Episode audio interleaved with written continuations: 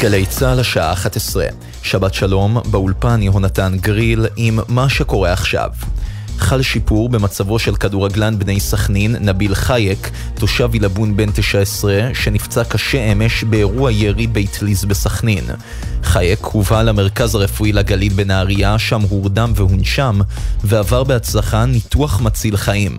לאחר שנגמל מהנשמה, הוא הועבר היום במסוק לבקשת משפחתו למרכז הרפואי הדסה עין כרם בירושלים, לקבלת המשך טיפול ברגליו. כתבנו קובי מנדל מעדכן כי מצבו מוגדר כעת בינוני.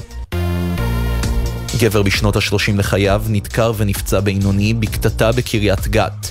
צוות מגן דוד אדום פינה אותו לבית החולים ברזילי באשקלון. כתבנו בדרום רמי שני מעדכן כי נסיבות האירוע נחקרות והמשטרה סורקת אחר חשודים במעשה. מרבית השרפות שפרצו ביוון בשבועיים האחרונים נגרמו כתוצאה מהצתות או רשלנות, כך הודיעו הערב בממשלת יוון. השר לענייני משבר האקלים אמר כי באזורים מסוימים השרפות החלו להתפשט במקביל במספר נקודות הסמוכות זו לזו, מה שמרמז על הצתה מכוונת. עד כה לפחות ארבעה אזרחים יוונים נהרגו ו-74 נפצעו כתוצאה מ-667 השרפות שהתפשטו ברחבי יוון. משרד החוץ פרסם השבוע אזהרת מסע למטיילים הישראלים ביוון וקרא לעקוב אחר דיווחי מזג האוויר ולהישמע להנחיות גורמי החירום המקומיים. ארגון המטאורולוגיה העולמי פרסם אמש דוח לפיו שלושת השבועות הראשונים בחודש יולי היו החמים ביותר מאז החלו מדידות הארגון במאה ה-19.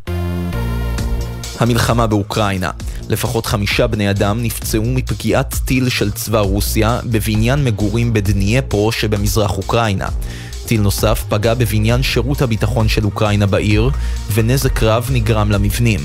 נשיא אוקראינה זלנסקי עדכן כי כוחות ההצלה המקומיים ממשיכים בסריקות באזור אחר נעדרים ופצועים. במקביל, טיל ששיגר צבא אוקראינה פגע בבניין בדונייצק שמשמש את ממשלת רוסיה. לא דווח על נפגעים באירוע. מוקדם יותר הצהיר יושב ראש האיחוד האפריקני בסיום פסגת רוסיה-אפריקה שנערכה בסנט פטרסבורג. נשיא רוסיה פוטין הראה נכונות לנהל משא ומתן להפסקת אש בלחימה באוקראינה, וכעת צריך לשכנע את הצד השני. מזג האוויר למחר תחול ירידה בטמפרטורות, אך עדיין יוסיפו לשרור עומסי חום כבדים ברוב אזורי הארץ. לכל מאזינינו שבת שלום, אלה החדשות.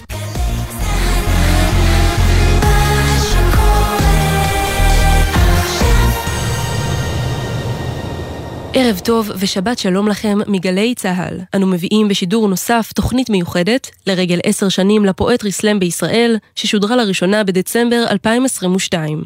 האזנה נעימה. עכשיו בגלי צה"ל, ליהי שפרבר. הבית של החיילים, גלי צה"ל אני ראפרית עכשיו. 3.1415926 אבא של אורי, יתלה את זה על המקררת. ביל גייטס נכנס למעלית. תפליג רחוק וקפוץ מהסירה, בוא תופיע בערב שירה. אוקיי, אוקיי, מה זה היה? אז זאת הייתה רק טעימה קטנה מדברים שנשמעו על במת הפואטרסלאם בישראל. וממש לכבוד זה, התכנסנו כאן היום בתוכנית חגיגית. השנה, 2022, הפואטרסלאם חגג בארץ עשר שנים. הפואטרסלאם, כלומר ערבי הספוקן וורד. הספוקן וורד, כלומר השירה המדוברת. השירה המדוברת, כלומר הסגנון הזה של כתיבה, דיבור, שירה, הצגה, ובעיקר, מה שמלכד את כל אלו ביחד. פזמונאים, יוצרים, שחקנים, ראפרים, זמרים, אומנים, וגם לא מעט סתם חובבים, צעירים, בוגרים, דתיים, חילונים, קרייריסטים או מובטלים, בנות או בנים, וגם כאלה שאת עצמם לא ממש מגדירים. כל אלה ויותר כותבים לעצמם קטע בסגנון קצת שירתי, קצת ראפ, לפעמים בחרוזים, לפעמים סתם כך. הם יוצרים לעצמם את מנגינת הדיבור שהם בוחרים, מנגינה שיוצרת עניין ומושכת את קהל המאזינים. לרוב. ולפעמים מתווסף לזה קצת משחק, קצת הבעות פנים, ולפעמים הם מקריאים מתוך דף, ולפעמים זוכרים בעל פה שבע דקות של שצף מילים. בערבים האלה נדחקים אוהדי הז'אנר באולמות לא מאוד גדולים, בבאר שבע, חיפה, ירושלים ותל אביב, כשהם צופים, מקשיבים, מתבדרים ומתרגשים, וגם מצביעים עבור המנצחים, לאחר שמחלקים להם שלטים. שלטיות! אצלנו לא אוהבים להפלות. ולמרות שהנקודות הן לא הנקודה, אומרים להם, תנגדו, אבל תפרגנו, תכתבו שמונה, תכתבו עשר, אם מתחשק לכם תכתבו עשרים, ואם ממש אתם אוהבים, תפליגו גם לחמשת אלפים, מאה אלף, מיליון, תנו המון. אז המסורת המכוננת הזאת מתרחשת בארץ כאמור כבר עשר שנים. אני לי שפרבר, שמחה להיות כאן איתכם, ואנחנו גם נפגוש וגם נשמע עוד כמה חברים בדרך. אז נמצא איתי עמית אולמן, שלום. שלום רב. איך אני מציגה אותך בעצם? הייתי אומר אה, יוצר ומספר סיפורים. מספר סיפורים, כן. בכל מיני דרכים. בכל מיני דרכים, כן. בין היתר הספוקן, שבעיקר בגלל זה התכנסנו כאן. אה, ואתה בעצם גם היית מהיוזמים של זה בארץ, נכון. היוזם הראשי, אני יכולה להגיד. כן, אני התחלתי בעצם את הליין של poetry slam ישראל בעצם לפני עשור, שהייתי שחקן בתיאטרון האינקובטור בירושלים. בהמשך ארגנתי עוד ועוד ערבים, אז צירפתי אליי עוד אנשים, את אה, ארי קבר ואלן פוטלס, שהיום הם בעצם מנהלים את poetry slam ישראל. המוכרת גם אה, בשמה האמיתי, נילי קופלר. נילי קופלר, נכון. חיפשתי במה להופיע עם ספוקן. כשסיימתי ללמוד אז פתאום היה איזה ליין בתל אביב, אה, בלימה לימה, בו ראיתי שיש עוד כמה אנשים שעושים את מה שאני עושה ואוהב ומכיר מחו"ל, אבל הליין ההוא דעך. אז הרמתי את הכפפה ובצורה די מאולתרת, אה, השלטים, כל העניין הזה של רמת השלטים והציונים היה עוד בחיתוליו. לא ידעתי בכלל איך עושים את זה בחו"ל, רק ידעתי שיש קונספט שמישהו משורר ואחרי זה כמה מהקהל נותנים לו uh, ציונים. אז מה, המצאתם תוך כדי, הלתרתם, אז, קבעתם? אז בהתחלה, בגלל שגם נורא הייתי אמביוולנטי בכלל לגבי לתת ציונים, אז נורא הקפדתי שזה יהיה, שהציונים יהיו מאוד uh, אמורפיים, זאת אומרת שאפשר לתת כל פרח. ציון. ציון מה? פרח. מה זה אומר ציון פרח? ממש אם כבר הולכים על אה, ציונים אבסטרקטיים. אה, אני נותנת ציון פרח. אז זהו, נכון, אז אפשר, אה, אמרתי, כן, תציירו ציורים, תכתבו מילים, אה, אז מה גם, עם הזמן התפתחו עוד אה, השיטות, אה, גם לפואטרי סלאם בישראל. בחו"ל אגב זה 1 עד 10 בלי חוכמות. אה, זה קטע שלנו. כן, אה. בארץ אנחנו עדיין מקפידים על לתת גם שמותר עד 13, וכן בחוקים באותיות הקטנות, את כל מה שמעל 13 אנחנו כבר לא סופרים. אחרי שנתיים אה, שבאמת מאוד הייתי מעורב בזה והפקתי את זה, והיה חשוב לי שזה יהיה גם, יהיה ליין גם בחיפה וגם בבאר שבע, ועזבתי את זה, כי רציתי באמת יותר אה, להתעסק ב... באומנות שלי, באמת מלכתחילה זה היה בשביל שתהיה במה. חלום חיי הוא לא להיות מפיק, זה לא מסע טוב, אבל נפשי. זו אמירה טובה להגיד בעצם אה, ליוצרים ואנשים שאוהבים להביע את עצמם, לא, לא לחפש שייצרו להם במה, ליצור אותה זה מאוד חשוב, כן. בעצמם. אני אחזור עוד יותר אחורה ואשאל אותך, אז איך אתה הכרת את זה? יש סרט של סול וויליאמס שנקרא סלאם, שמאוד מאוד השפיע עליי, שבו ראיתי פעם ראשונה את מה שסול וויליאמס עושה, הוא עושה מין גרוב של ראפ, אבל הוא לא מחויב באמת לקצב, והוא מאוד מאוד פיוטי, הוא מדבר בדימויים גבוהים, ואתה, אם אתה רגע מתעמק בזה, אז וואו, יש לך משהו ממש עשיר שהוא עושה. אז זה הגניב אותי נורא. ואז ניסית לכתוב אה, את מה ששמעת, בסגנון שלך? כן. אתה זוכר מה אה, הקטע הראשון שכתבת ככה? אני מאוד אהבתי את זה, כבר בגיל 17 כזה גיליתי את זה, לא העזתי אבל לכתוב בסגנון הזה.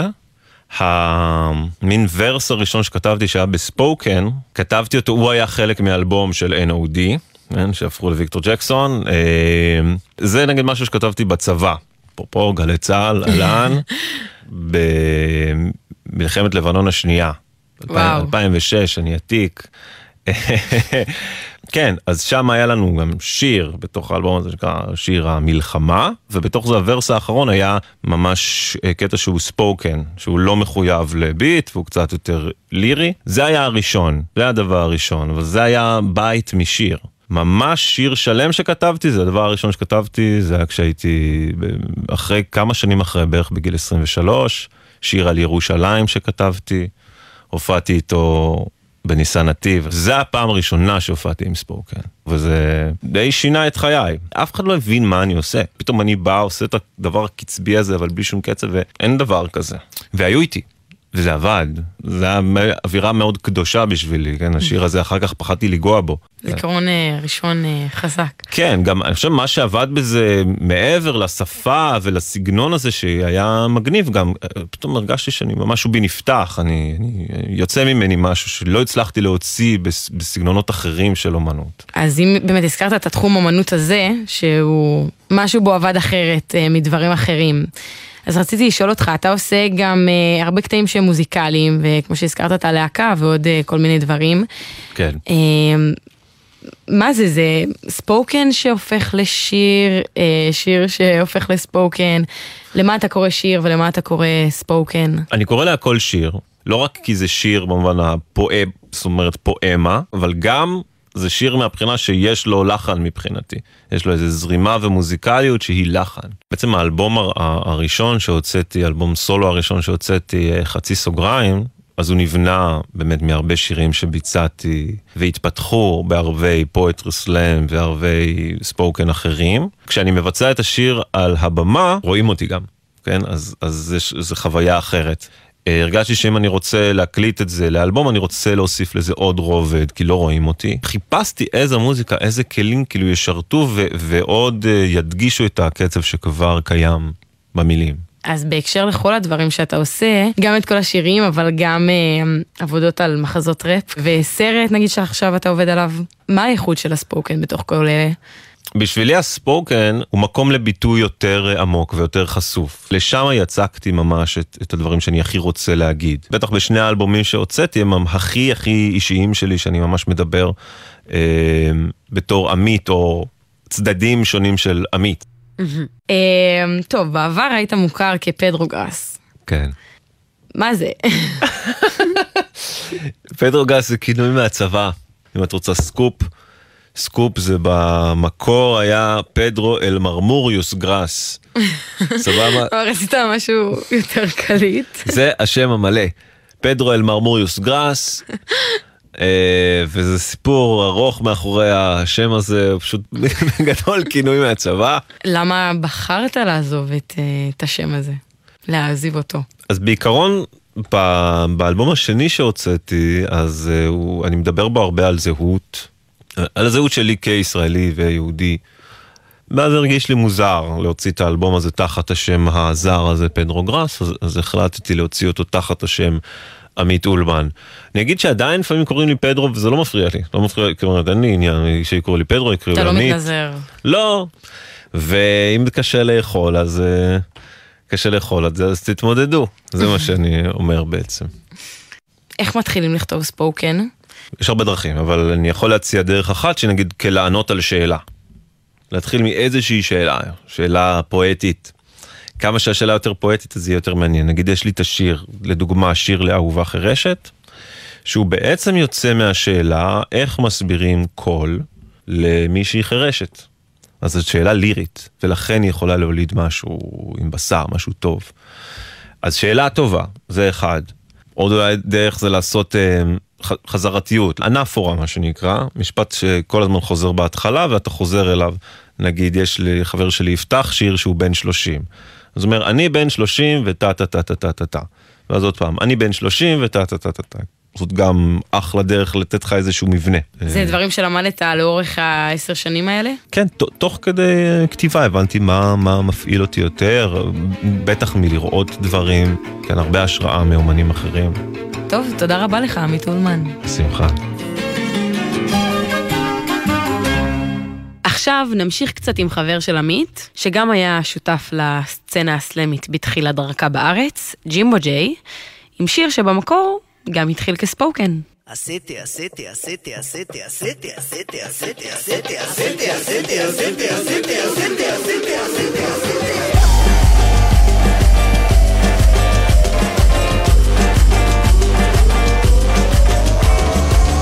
מה זה שירתתי?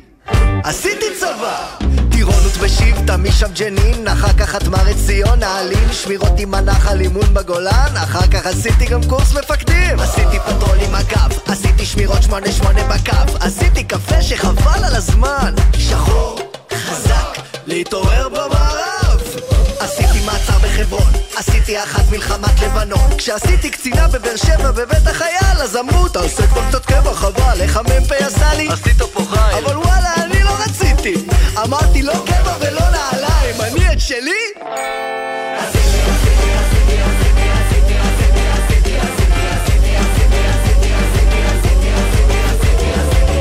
מה זה טיילתי? עשיתי את הודו. בצפון עשיתי כמעט את הכל. דרמסלה מנה לי ואין על כסול אבל אז קצת נמאס לי עשיתי פרסה נו ברבה לי. עשיתי את הטרק במדבר שלושה ימים שני לילות אופנועים. אחר כך עשיתי קשמיר ונגמר נשאר רק לעשות את הדרום עשיתי עצירה ברג'סטן קניות הכי זולות עשיתי משם לגואה בבומביי עוד חודש לפלו למרוביץ' קצת אמרי מיציתי אני את שלי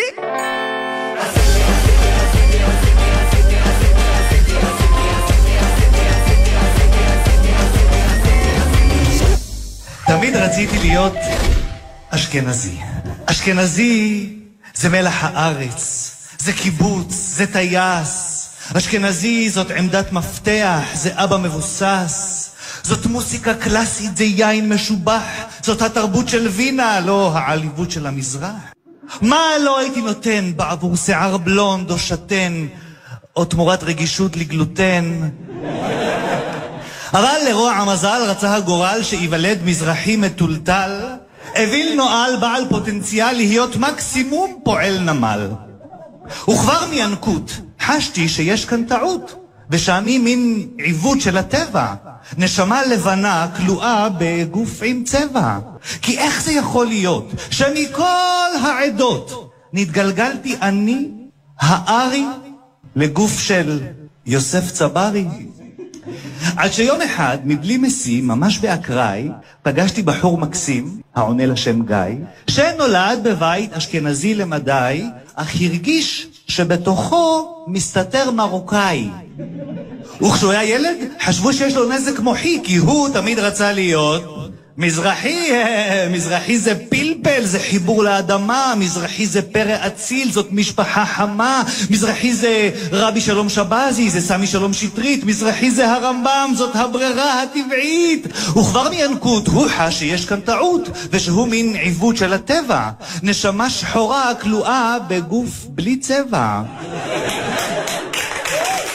בתום הביקור כבר היה לי ברור שהאינטרס לסרס ולבסס הפרדה בין עדה לעדה, לייצר הפחדה, לעורר סלידה או חרדה מכל מי שמביע אהדה או לא מחזיק באותה עמדה, הוא תולדה של הליכה בתלם. תמיכה באלה שמחזיקים את כולנו בכלא של טמטום ונבערות ובקפדנות מחנכים אותנו למות על מזבח השונות, כי זה או אנחנו או הם. תמיד רציתי להיות אשכנזי. זה הכל. תודה רבה. זה היה "תמיד רציתי להיות אשכנזי" של יוסי צברי. ועכשיו אנחנו ממשיכים לקטע של טל כהן, שנקרא "מה ההבדל בין בת לבין?" אם תהיה לי בת, יום אחד יגיע הרגע הגורלי שבו היא תבוא אליי ותשאל, אמא, מה ההבדל בין בת לבן? אז אני אגייס את כל הפסיכולוגיה שאני מכירה ואגיד, מה את חושבת? והיא פתאום תשאל, אמא, להיות בת זה כיף? אז אני אגייס את כל הדוגמאות שאני מכירה ואגיד, לי למשל זה מאוד כיף. והיא תצחק ותגיד, אבל את לא בת, את אימא. אז אני אגייס את כל הנשיות שאני מכירה ואגיד, גם אני בת. והיא תעבור נושא במהירות הבזק ותגיד, את יודעת שיש יום הולדת לאורי מהגן שלי? ואני אגיד, בהקלה יופי, ומה את רוצה שאני אקנה במתנה?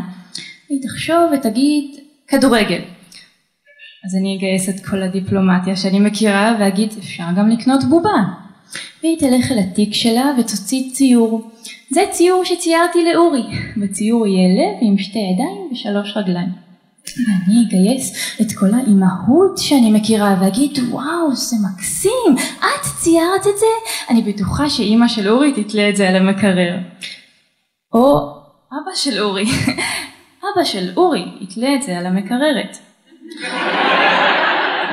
והיא תשקע במחשבות. אז אני אגייס את כל הרומנטיקה שאני מכירה ואגיד את אוהבת לשחק עם אורי? והיא תסמיק, אז אני אגייס כל הבלשיות שאני מכירה ואגיד, כן? והיא תברח לחדר. אז אני אגייס את כל הפולניות שאני מכירה ואצעק לה מהסלון, אז תגידי לו שהוא ילד מאוד נחמד ושכל חבר שלך הוא גם חבר שלי ושנשמח מאוד לראות אותו ושהוא מוזמן אלינו כבר בשבת. והיא תציץ אליי מהחדר ותגיד לו, אבל אם, מה, אה, אה, אורי זו בת.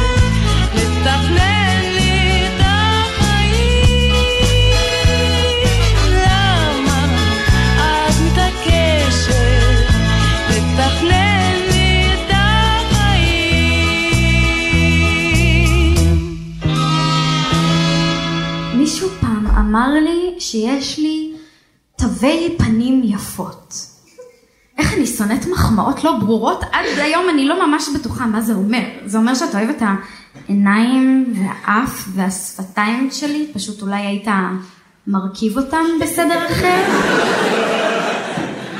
או איזה מישהו שפעם אמר לי באוטובוס, משפט אמיתי, את נראית כמו עצמך, אבל הרבה יותר טוב. לא נעלבתי, כי ילדות לא יפות מפתחות תכונות אחרות. אנחנו נעשות מצחיקות, אנחנו טובות בלתת עצות, מתרוצצות סביבכם, אנחנו משחיזות מילים, אנחנו נעשות אלופות בלהכיר ידידים. אנחנו פורצות דרך בהחלט כשאנחנו לומדות לתכנת. לא אני, אבל יש כאלה. אנחנו לומדות להתביית על מטרה ולקלוע את כל העלבונות אנחנו יודעות לבלוע. אנחנו לא ממש יפות, אבל אנחנו מה זה טובות בלבשל, לאפות, לשאול שאלות קשות, למלא שתיקות מביכות, אבל מה לעשות, אנחנו היינו התינוקות עם הפנים הברורות. או, או יותר גרוע, מסורטטות. מה זה אומר? אנחנו, אנחנו באמת, באמת מדהימות, אבל מה לעשות, אנחנו פשוט לא נופלות תחת הקטגוריה יפות.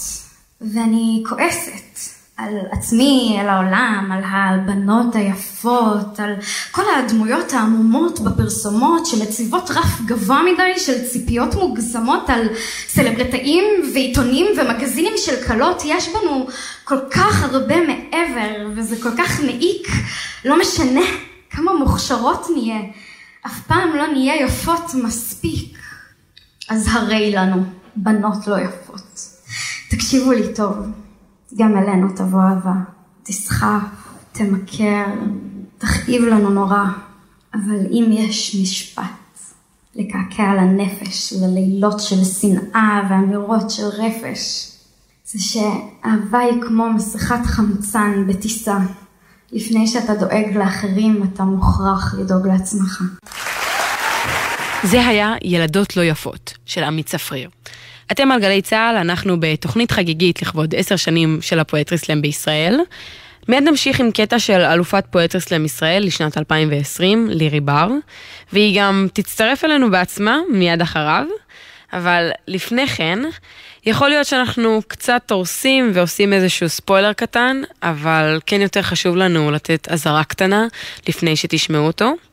זה לא שיאמר בו משהו אסור, אבל הוא כן עלול להעלות איזשהו טריגר מחוויה של תקיפה, לכן מי שמעדיף או מעדיפה שלא להאזין, מוזמן כמובן לחזור אלינו עוד שלוש וחצי דקות בדיוק. פעם, כשהייתי קטנה, מישהו אמר לי שידע זה כוח. וזה משפט שאני לעולם לא אהיה מסוגלת לשכוח, תלמדי המון כי ידע זה כוח. אני נוטה לעשות מה שאומרים לי, אז למדתי. למדתי ספרות, היסטוריה, תנ"ך, תיאטרון, אנגלית, ביולוגיה, מחשבים ולשון, כל מקצועות החובה ואפילו יותר למדתי מתמטיקה. מת... למדתי בעל פה את הספרות של פאי אחרי הנקודה, כאילו לא את כולן, כמה שנכנסו לי לראש. 3.141592535389793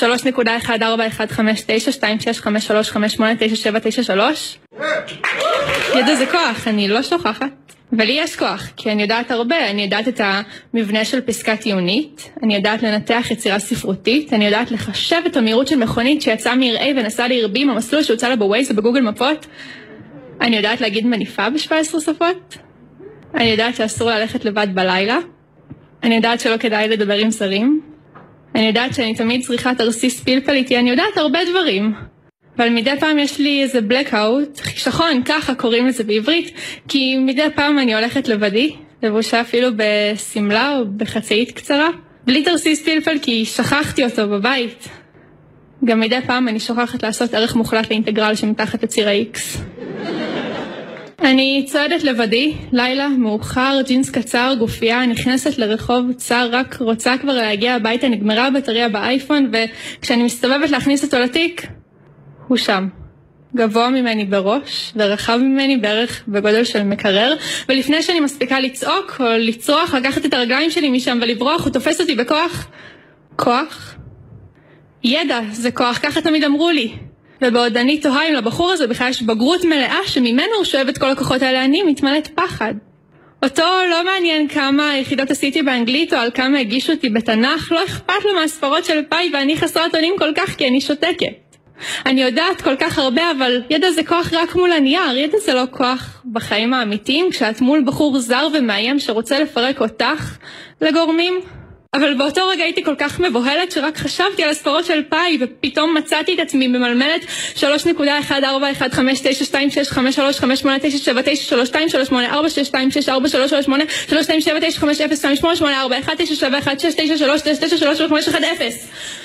אפס. אפס מרגישה כולי אפס, מיותרת, לא חשובה, חסרת גוף או צורה וממשיכה כמו טיפשה למלמל ספרה אחר ספרה והוא כמובן, הוא לא מקשיב כי הוא רק עסוק בלהכאיב.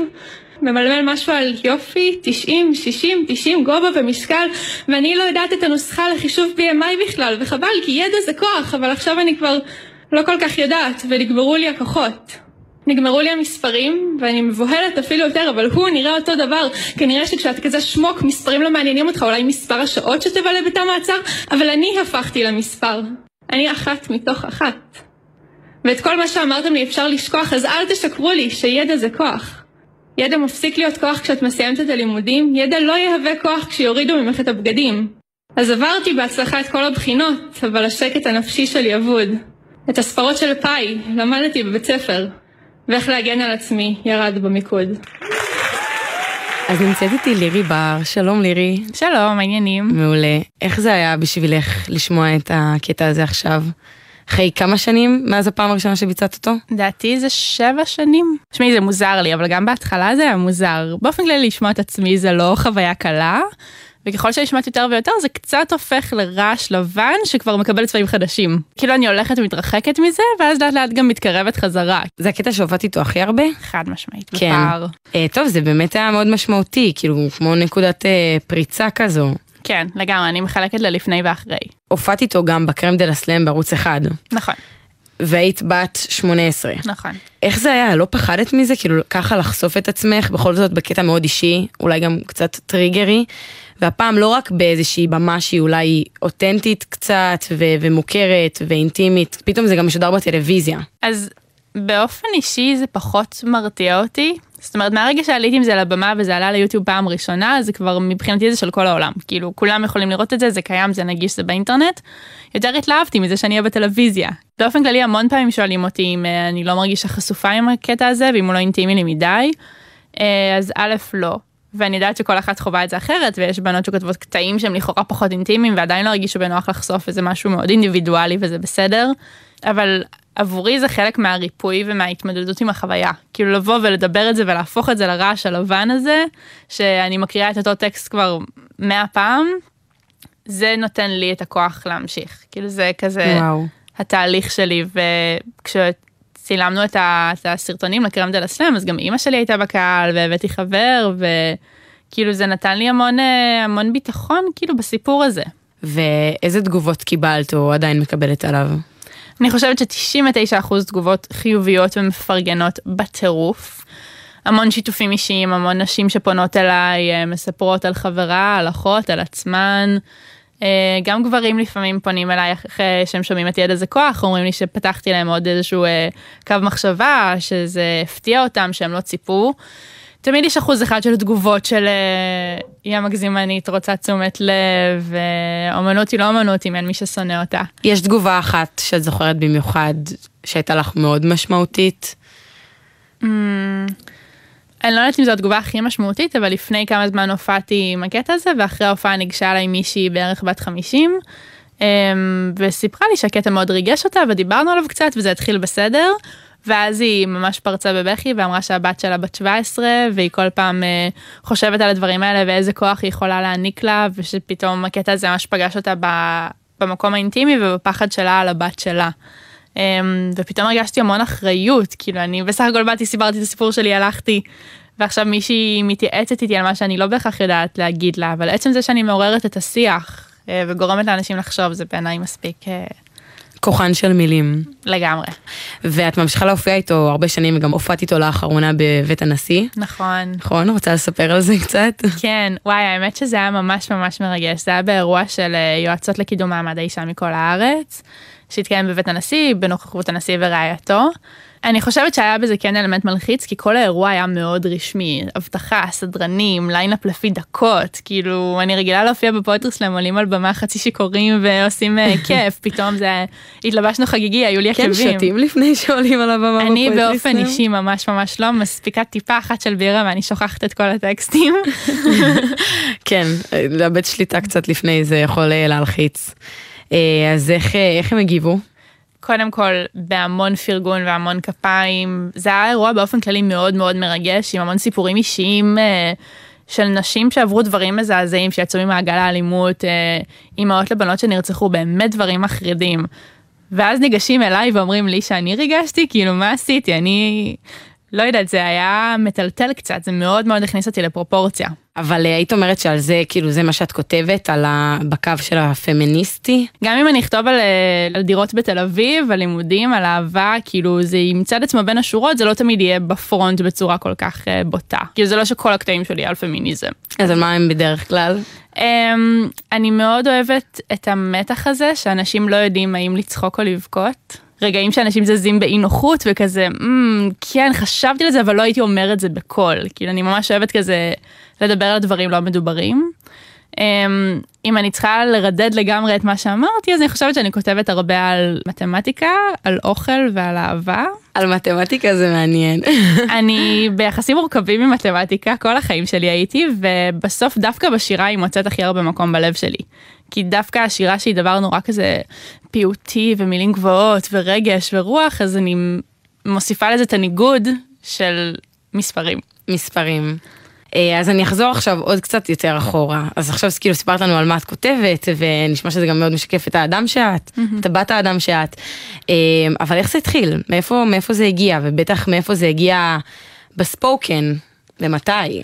אז כתיבה באופן כללי זה משהו שאני זוכרת מאז שפיזית אני מחזיקה עיפרון. כאילו, בדיעבד כתבתי ספוקן וורד לפני שידעתי שזה ספוקן וורד. בכיתה ג' הגשתי את תיבת נוח עם שיר על uh, תיבת נוח שהוא לגמרי ספוקן וורד, אם נקריא אותו היום. אבל הרגע שבו נחשפתי לקונספט היה באזור uh, התיכון, כזה חבר הראה לי סרטון uh, מיוטיוב של הפואטרי סלאם, ואמר לי, היי, תראי, זה מגניב, בואי נלך לאיזה הופעה. ונסענו לראות uh, הופעה של הפואטרי סלאם בלוונטין. ההורים הקפיצו אותנו, היינו ממש ילדים, הכי צעירים בקהל. ובשיא היוהרה אמרתי, וואלה, נראה לי אני גם יכולה. כאילו, אני מסוגלת לעשות את מה שהם עושים. אה, וזהו, ואז עוד הייתי מתחת לגיל 18, אז הופעתי בפואטרי סלאם נוער שהיה באותה תקופה, וכזה התנסיתי קצת, הייתי על הפנים בהתחלה. האמת שיש ביוטיוב אה, סרטון שלי מאחד הערבים הראשונים שהופעתי, עם קטע נוראי ברמות שמביך ומקרינג', ואני אקטיבית מתעקשת שהוא לא יימחק מיוטיוב, כי כל פעם שמישהו מחמיא לי ואומר לי, וואו, איזה כישרון, בטח נולדת לזה, אני אומרת לו, לא, לא, יש פה לינק, תצפה בזה. ככה התחלתי. זאת אומרת שזה עניין של התמדה. התמדה ורצון, כאילו היה לי ממש חשוב להשתפר בזה, וכל הזמן שאלתי אנשים מה הטיפ הכי טוב שלהם לכתיבה, או מה אני יכולה לעשות, מה הם חשבו על הקטעים שלי, ולא בשביל אה, לגרוף מחמאות, כאילו גם, כי זה נחמד, אבל גם בשביל באמת לקבל אה, עצות. זה סוג של הקטע שלך מגיל צעיר, כי זה לא, זה נראה לי לא משהו שמאפיין אה, ילדה בגיל, נגיד בכיתה י', היא רוקדת, היא שרה והיא עושה ספוקן, זה יותר ייחודי. נכון, כן, זה חריג, עד היום אנשים, אני אומרת להם שאני עושה ספוקן, וכזה, מה זה? כן, זה עדיין לא תחום. כן, זה עוד לא מספיק, אה, פואטרי סלאם מכירים, ואז אולי הם ראו פעם באיזה כנס, השמיעו להם משהו. כן, למרות שזה מאוד uh, התפתח, מרגיש לי, תפס כן. תאוצה בעשר שנים uh, שזה כן. נמצא פה. האמת שכשחושבים על זה שהם, שהפואטרי סלאם עברו דרך כזאת גדולה בעשר שנים, זה מטורף. כאילו, מדבר שהתחיל באיזה בר קטן בירושלים, לזה שיש כל שנה אירוע שכמה מאות אנשים באים לראות, ושאנחנו שולחים נציג לתחרות הבינלאומית, כאילו זה ממש התפתחות מרשימה, וכן הרבה אנשים היום. אני אומרת להם פוטרסלם והם כן יודעים מה זה. הזכרת זה גם את האירוע הגדול, הסלם הגדול, יש כל מדי שנה האליפות הארצית, שגם מתחרט בה כמה נכון. פעמים. Uh, פעמיים, השנה תהיה הפעם השלישית. השנה תהיה הפעם השלישית, והצלחה. תודה. ובעצם גם זכית ב-2020. נכון, ב-2020 זכיתי במקום הראשון, ב-2021 לא, ומי יודע מה יקרה השנה. אולי כן, אולי לא. Uh, בגלל שהקורונה לא טסת נכון. לפריז, ואיך זה היה? Um, זה עדיין היה כיף, זה עדיין היה מאוד נחמד, זה בדיוק היה בזמן המבצע uh, ש... שובר חומות. שבור, שומר חומות. שומר חומות. זה מתחבר ביחד עם שובר גלים, הכל נכון. מתערבב. אז התחרות גם התקיימה בזמן מבצע שומר חומות, והייתי צריכה לעשות אותה בזום מהממ"ד. אפילו לא בבית שלי, כי לא הייתה בו קליטה. וואו, וזה משהו שידעו כלפי חוץ? כי זו חוויה. כן. כן, הצליחו להבין את הסיטואציה של זה שאת בזום, כן, כולם חוו אה, גלובלית, mm-hmm. אבל זה שאת בממ"ד. אז בחצי גמר הראשון, או ב... לא. באירוע כן. הראשון שהתקיים עוד לא בדיוק היה מבצע, אז ישבתי וצפיתי באחרים אה, מתחרים בזום, כי אני לא התחרתי באותו ערב, ופתאום הייתה אזעקה באמצע. והלכתי ככה עם הטאבלט לממ"ד, ואז uh, בסוף הערב שלחתי להם מייל של, היי, אני מתחרה ביום חמישי, אני רק רוצה לעדכן אתכם שיש אזעקות וטילים, אז אולי היו לי קצת בעיות קליטה, וממש בחרתי את המילים בפינצטה, כי לא רציתי להלחיץ, ומנגד הנדסנו אירוע שלם כדי שתהיה לי קליטה רציפה לאורך התחרות כשאני מתחרה. אה, והם דיברו איתי על זה קצת, המנחה של האירוע, אני לא חושבת שהם לגמרי הבינו מה זה אומר, אה, אבל זה הפעיל אותי בעוד צורה, כאילו זה הזיז לי משהו בתשומת לב. מה את חושבת אה, צופן העתיד לפואטרי סלאם בארץ? או-אה, שאלה גדולה. א', אני מקווה שהאומנות הזאת תמשיך אה, לקבל את הבמות שלה בכל מיני דרכים. אני ממש מקווה שה poetry slam ילך ויתפתח ויגדל ויקבל עוד במות ועוד הקשבה, כי בסוף כשאומרים אה, אני הולך לערב שירה מדוברת, זה נשמע נורא כבד, אבל זה פשוט fun ברמות. כאילו, והלוואי שיותר אנשים יהיו פתוחים לבוא ולשמוע ו... ויהיו עוד הופעות ועוד משוררים ועוד אה, תתי ז'אנרים ונישות, ושרק ילך ויתפתח. אני נהניתי מאוד. אני גם, תודה. תודה רבה לירי בר. היה תענוג, תודה רבה, כבוד גדול.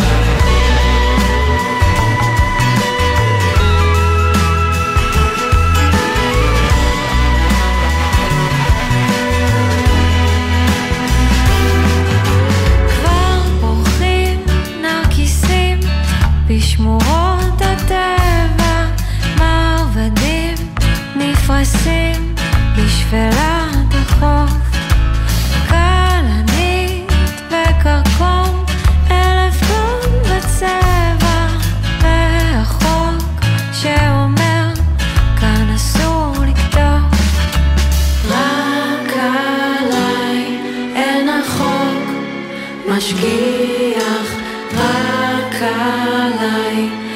איש אינו שומר. אחר.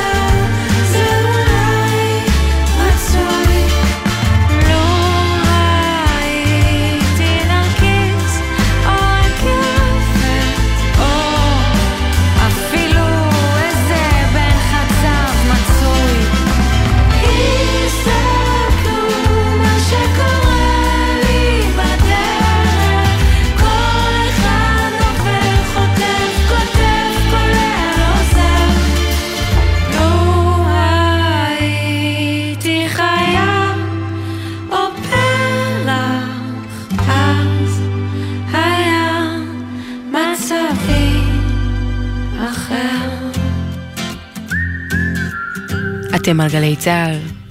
אנחנו בתוכנית מיוחדת חוגגים עשר שנים לפואטרי סלאם בישראל. האורח הבא והאחרון חביב שלנו הוא אלעד לאור, אלוף פואטרי סלאם ישראל המכהן משנת 2021. אבל רגע לפני שהוא מצטרף אלינו, נאזין לאחד הקטעים שהוא ביצע בגמר, בסלאם הגדול. זה נקרא ריסטארט. לראיון צריך לבוא עם ביטחון. כדאי גם לבוא עם ניסיון, אבל אין.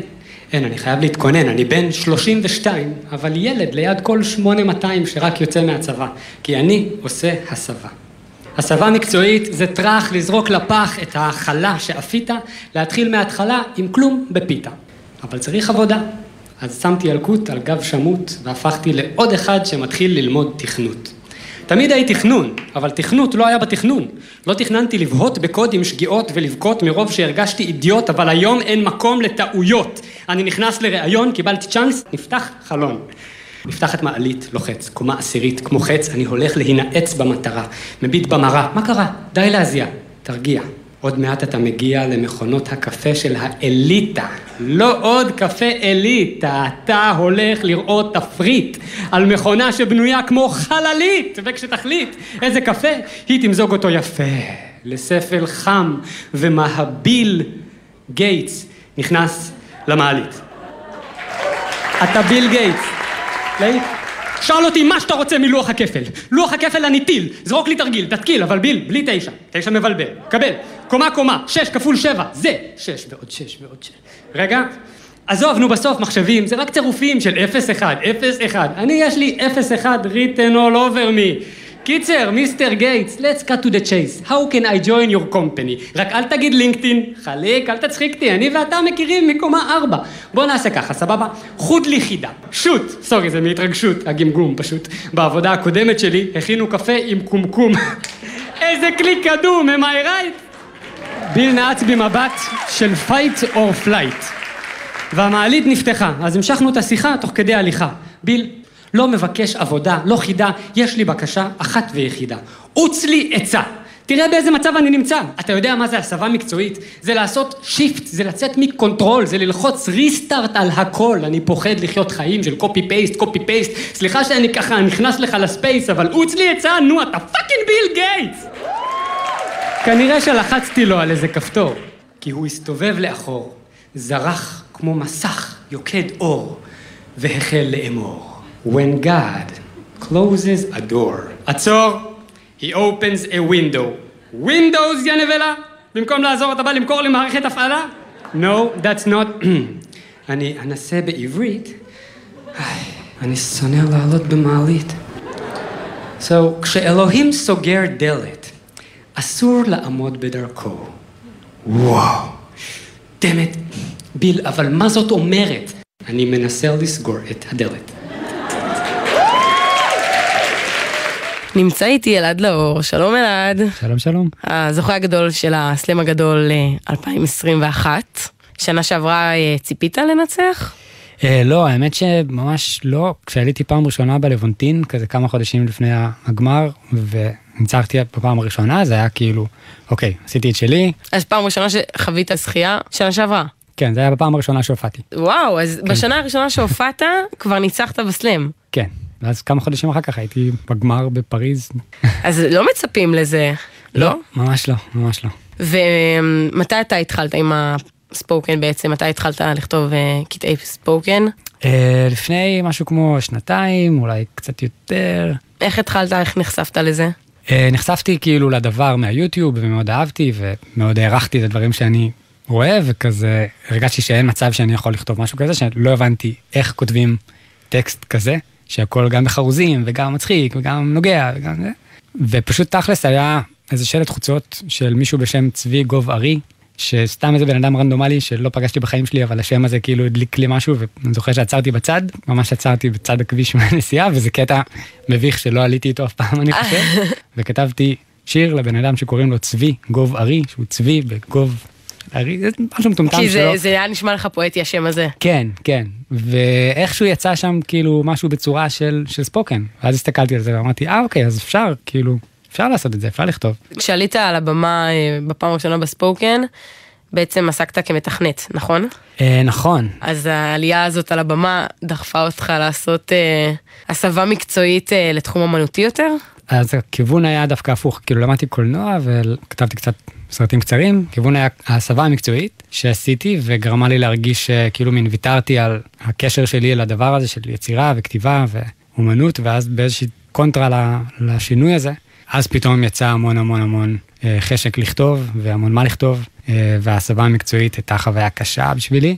הקטע ש, שכתבתי על זה, ממש על ההסבה, זה קטע שהופעתי איתו בגמר שנה שעברה, ואני חושב שהוא קטע שהרבה אנשים רואים בו כזה מין פאנצ'ים, דחקות, אה, צחוקים, אבל תכלס הוא נכתב מתוך כאב ותחושת Mm. עליבות מאוד מאוד גדולה. וזה מעניין, כי באמת כמה חודשים לפני שהופעתי פעם ראשונה בספוקן, כאילו על הנייר זנחתי את החלק הזה בזהות שלי והלכתי להיות מתכנת. אה, מאז פוטרתי, אוקיי. טוויסט ביי. אבל עכשיו גם בעקבות הספוקן, אז אני כן גם הולך לכיוון של שירים אה, מולחנים, ואני עובד על אלבום עם רועי דורון, המפיק של אה, עובדי נמל, של ג'ימבו ג'יי. זוכר שאחרי ה... אה, אחרי פריז, באו אליי אנשים אחרי ההופעות האלה, ואנשים שכזה הבינו חלק ממה שאמרתי, אה, אבל עדיין מאוד התרגשו, וכזה נתנו לי להרגיש שיש לי משהו אמיתי ביד. מישהי באה בדמעות, ומישהו בא ואמר שזה, תשמע, כתבת על החיים שלי, וזה גם נתן לי את הדחיפה האחרונה, אני חושב, אה, ללכת על זה ו... ולהמר על זה, את יודעת, את הזמן והמשאבים שזה דורש. כי השתכנעתי שיש מצב שזה באמת יכול לגעת באנשים, ושזה משהו ששווה להשקיע בו. וכל זה מבלי שהם אה, מבינים ישירות את הטקסט. כן. הם קורא, איך זה הולך? הם קוראים אותו על מסך מאחורה. כן, יש תרגום ל...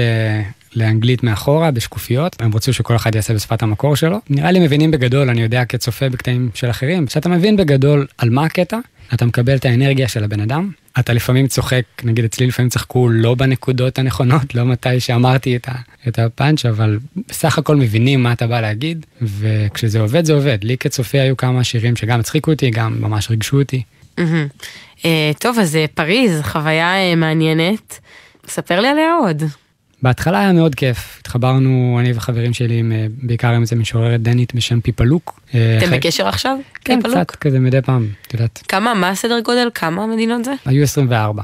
מהמם. אז כן, אז בהתחלה היה פשוט מאוד כיף להכיר את האנשים, אנשים, את יודעת, ממוזמביק ומאיטליה ומחוף השנהב ומכל אירופה כזה. אה, אנשים שאתה לא, כאילו לא מבין אולי את השפה שבה הם אומרים את הקטעים שלהם, אבל אתה לגמרי מוצא את הנקודות חיבור איתם דרך הלב הזה שהם פותחים כל ערב בה- בהופעה. אה, ביום האחרון היה, היה איזשהו, אה, אה, כאילו ממש אחרי שיצאתי מהגמר, אז אה, דודה שלי הלכה לעולמה ביום של הגמר, ביום האחרון. אה, אבא שלי גילה על זה בבוקר, והוא בחר לחכות ולספר לי אחרי הגמר, והוא היה איתי שם בקהל, וכזה ראיתי שמשהו עובר עליו ולא כל כך הבנתי מה. קיצור, כל החוויה כזה, אני, אני די אה, מתאמץ. נצבעה בצבע לזכור אותה אחר. לחיוב, כן, אני מנסה לזכור את החלקים הכיפים שהיו, אבל אה, וואו, וזה כזה שינה את כל המציאות אה, של המשפחה. ואני זוכר שערב לפני דיברתי עליה, על דודה שלי לילך, עם אה, מוניק, עם אחת המשוררות שישבנו לבירה, אה, והיא עשתה קטע על ילדים עם צרכים מיוחדים, וללילך יש ילד בן ארבע עם צרכים מיוחדים, והיא הייתה אם יחידה. אה, אתמול הייתי בערב ספוקן של המוקדמות של הפואטרי סלאם, אה, באתי לראות את מי שעכשיו הבת זוג שלי, והיא עשתה קטע על זה שבעצם אנחנו כל פעם צריכים לספר לסבתא שלי מחדש שזה קרה, Mm. כי היא לא, היא מסרבת, אה, לא רוצה לשמור את הזיכרון הזה. לך היא הייתה כזה, היא הייתה בת 47, הייתה ממש... זה היה פתאומי. אה, כן, כאילו אף אחד לא ראה את זה בה. זה היה אירוע לב, בת 47, ב- מאושרת מהחיים, עם ילד, ממש ככה בשיאה. מה, הייתי רוצה לשאול אותך, אני קצת אשנה את האנרגיה למקום אחר, אה, מה הנושאים שאתה בדרך כלל אה, מגיע לכתוב עליהם? זה תמיד יבוא מאיזשהו כאב, מאיזשהו בלגן בראש, שעכשיו אני רוצה לסדר. בסוף התהליך, כשאתה מרגיש שהפכת את הבלגן למשהו אה, מוצק ומסודר ויפה, ושאפילו יכול לעורר הזדהות באנשים אחרים, אז לגמרי עזרת לעצמך, כאילו. ויש הרבה שירים שממש כזה סגרו לי פינה. כאילו ההקשר של הכאב הזה השתנה. יש לי פשוט משהו לענות לו כשהוא צף שוב. כאילו- בעצם אז הגעת לגמר, זה קורה לעיתים קרובות לישראלים? אין לי מושג אם זה קורה לעיתים קרובות, אבל זה היה מרגש. וגם היה איזה קטע שחשבתי שהוא לא כך יעבוד, קטע כזה מאוד uh, על פרידה ומאוד כזה, את יודעת, נוגה, והיה המון כאלה. מה זה אלה רוצה להסביר ככה למאזינים שאולי האצבע צרידה הזאת, אצבע צרידה בא להגיד, לא יודע, מה זה בא להגיד במילים? השפה של הספוקן. כן, הוא בא להגיד למי שמופיע כרגע, אני לא רוצה להפריע לך, אני רואה שאתה זה משהו, אבל רק שתדע שאני מאוד מתחבר למה שאתה אומר. אה, איזה מקום סיימת? אה, רביעי. צריך גם להגיד, רגע, משהו בגנות הנקודות האלה.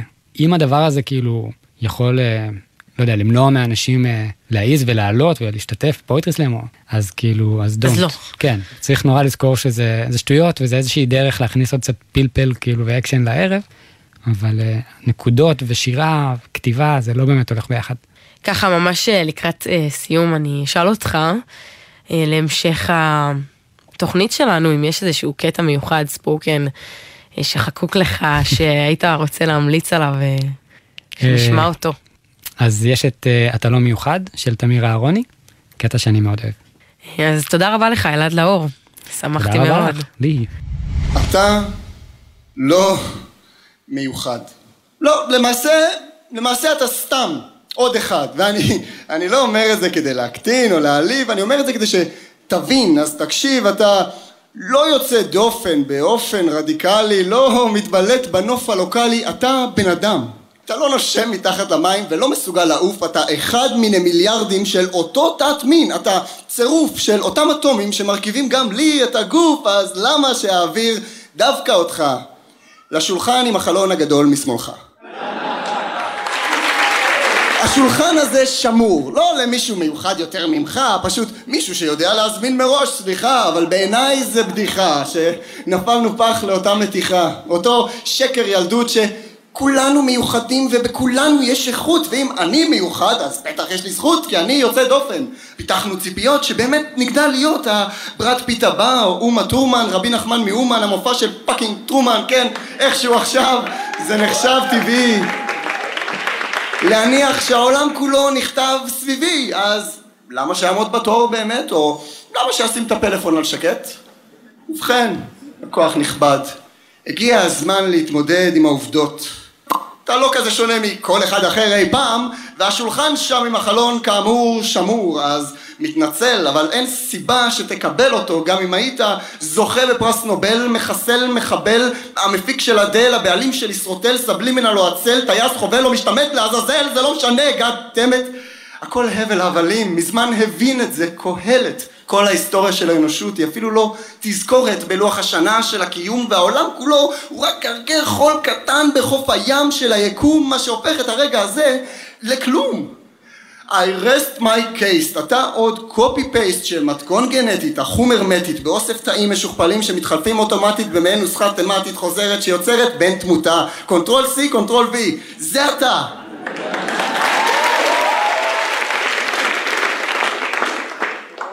אל תיקח את זה קשה. תראה, לא ניסיתי לדכא, פשוט אתה יודע, לפעמים גם בי זה מכה שפאק, לעולם אני לא אהיה כל כך הרבה דברים. וזה לא דבר רע, למעשה, אני מוצא הרבה נחמה בהשלמה שלא משנה מה אעשה או עשיתי. זה לא כזה קריטי.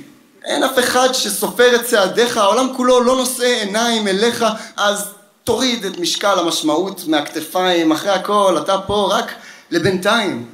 וצלחת החיים היא מתקררת, מספיק להתדפק בתהיות, תאכל עם הידיים ותלקק את השאריות, קום כל בוקר, תן לעצמך סטירה, תפליג רחוק וקפוץ מהסירה, בוא תופיע בערב שירה וקרא בקול.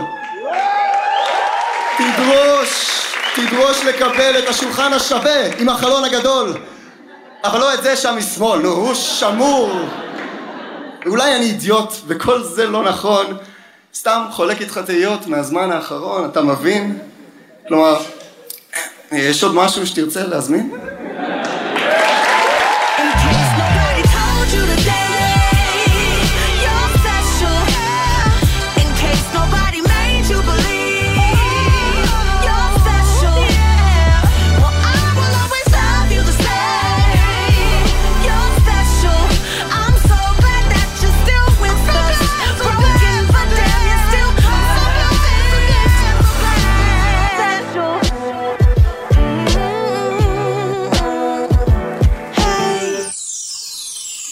ראפרית עכשיו. שליש מה-IQ שלי זנחתי על מושב השירותים. הורדתי את המים הצלולים, ויחד עם השיט של כל העיר, הם זורמים. אני ראפרית עכשיו, שתיתי כוס גדולה של מיץ של רבאק, ואין מה לעשות באקדמיה, לבחון את הצד שני של המטבע, רק מי שהוא יותר מדי שבע, שומע שירים הדוקים עם אירוניה דקה, שירי מחאה שהזמינה המלכה, וידוי חושפני שאין בו שום חטא, אני ראפרית, ואתם יודעים שזה לא באמת. כי, כי עם, עם, עם כל כמה שאני מכבדת כנות אומנותית, ולהט רגשי בלתי אמצעי. בסופו של דבר לכל מטבע כן יש צד שני, וזה ממש חלק מאמונתי הדתית ש- ש- שצריך לבחון את זה וצריך לנשום לתוך האבסורד של זה, ו- ו- ו- ואף על פי כן אני ראפרית עכשיו, כי חלאס להיות תמיד הסאחי, וחלאס להיות הליברלית, ודתייה ליברלית במינון הנכון, רגישה במינון הנכון, עוקצנית במינון הנכון, אני שומעת ישראל דדון מכסה את המינוס בבנק במינון הנכון, פמיניסטית במינון הנכון, אני בכלל... בכלל לא פמיניסטית. שמעתם את זה, sisters? אין אהבה תמורת אהבה. אתה רוצה אהבה? תשלם משכנתה. ואם יש פה דתיות בקהל, אם יש כאן כאלה בכלל, אז אני גם לא פמיניסטית דתייה. אני לא לומדת גמרא, זה לא מעניין אותי, זה גאוני, אבל זה לא בשבילי, סיסטרס. אני מפתחת מיומנויות הרבה יותר חיוניות, אני לומדת להכין עוגיות. זה עושה, זה עושה ריח טוב בכל הבית, זה עושה לי טוב על הלב, זה עושה לילדים שלי טוב על הלב, לא צריך לדעת א' ב' בשביל זה, אפשר להיות אנאלפבית בשביל זה, אפשר להיות אנאלפביתית, א' ב' זה בשביל מישהו לא כאן ולא עכשיו, כמו גבר, לא כאן ולא עכשיו, ואני כאן ואני עכשיו, ואני אישה. אנאלפביתית, ראפרית, חוכמת רחוב בעל פה, מטיחה בקהל, לא אכפת לי, מטיחה בגסות מה שיש, רק מה, אני לא אומרת fuck. כמה ראפרית אפשר להיות בלי להגיד fuck? אבל מה לעשות, אני, אני אם ואני רעיה ואני מכבדת את המקום של הטאבו, ואני גם בדקתי את זה באינטרנט, ואין ראפ של, של אימהות שהוא לא סאטירה. הטאבו נולד עם התינוק, זה מהותי לז'אנר. ורק בחלומות אני קורעת הבמות עם טונה וג'ימבו וגם עם קובי עוז וגם עם תגידו שקובי לא ראפר, אני ראפרית. קורעת את הז'אנר. זאת הייתה צביה מרגליות עם אני ראפרית. והיא ממש כמעט מביאה אותנו לסיום התוכנית שלנו פה בגלי צה"ל, לרגל חגיגות עשר שנים סלאם בישראל. הסלאם הגדול העשירי יתקיים ב-7 בינואר ברידינג 3 תל אביב. את התוכנית כולה תוכלו למצוא בכל זמן באתר וביישומון גלי צה"ל, ובחיפוש קל בגוגל, special 10 שנים ל poetry slam בישראל, דרך אתר omni.fm. תודה לפואטרי סלאם ישראל, תודה לנילי קופלר, תודה רבה לרותם שמעוני על כל העזרה בעריכה, לפז אייזנברג על הייעוץ המוזיקלי, ולטכנאי השידור אלה מוטולה ותומר רוזנצוויג. תודה גדולה ממני, ליהי שפרבר, אליכם שהאזנתם, כיף שהייתם והייתן איתנו. ואני רוצה להגיד עוד תודה אחת אישית ומיוחדת לחברתי מזה 12 שנה, שבזכותה בכלל התאהבתי ככה בצורה עמוקה בעולם הזה שנקרא שירה מדוברת. תודה רבה ללאה קודל. לסיום, נסגור מעגל ונחזור למרואיין הראשון שלנו, עמית אולמן, עם השיר שלו, אלוהים בג'ימל. אלוהים פתח חשבון בג'ימל, בקטע של לרדת אל העם, אז הוא נרשם תחת השם גד. אלוהים הכל יכול, הוא לא חשד שיש כבר משתמש כזה אחרי הכל, אלוהים יש רק אחד. השם גד היה תפוס, גד אחד, גד שתיים, גד שבע, אלוהים אלפיים, אדוני צבאות, אללה השכינה, אבינו שבשמיים, האחד והיחיד, אולי הקינג, המלך, האס, הקדוש, נקודה ברוך, נקודה הוא, שבעת אלפים שש מאות שלושים ושתיים. זה השם שתפס. באינטרנט, האל נמצא בכל מקום. ואלוהים האמיתי התחיל לחוש לבד אז הוא פתח חשבון בג'ימל בקטע של כולם עושים את זה. מה נשמע, נשמע, סוף השבוע,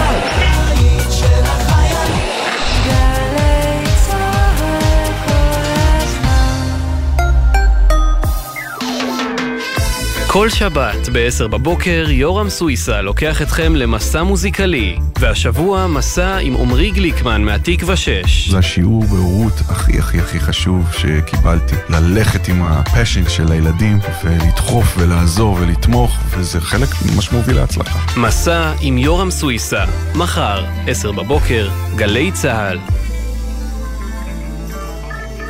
מיד אחרי החדשות, גל"צ וגלגלצ. מוזיקה כל.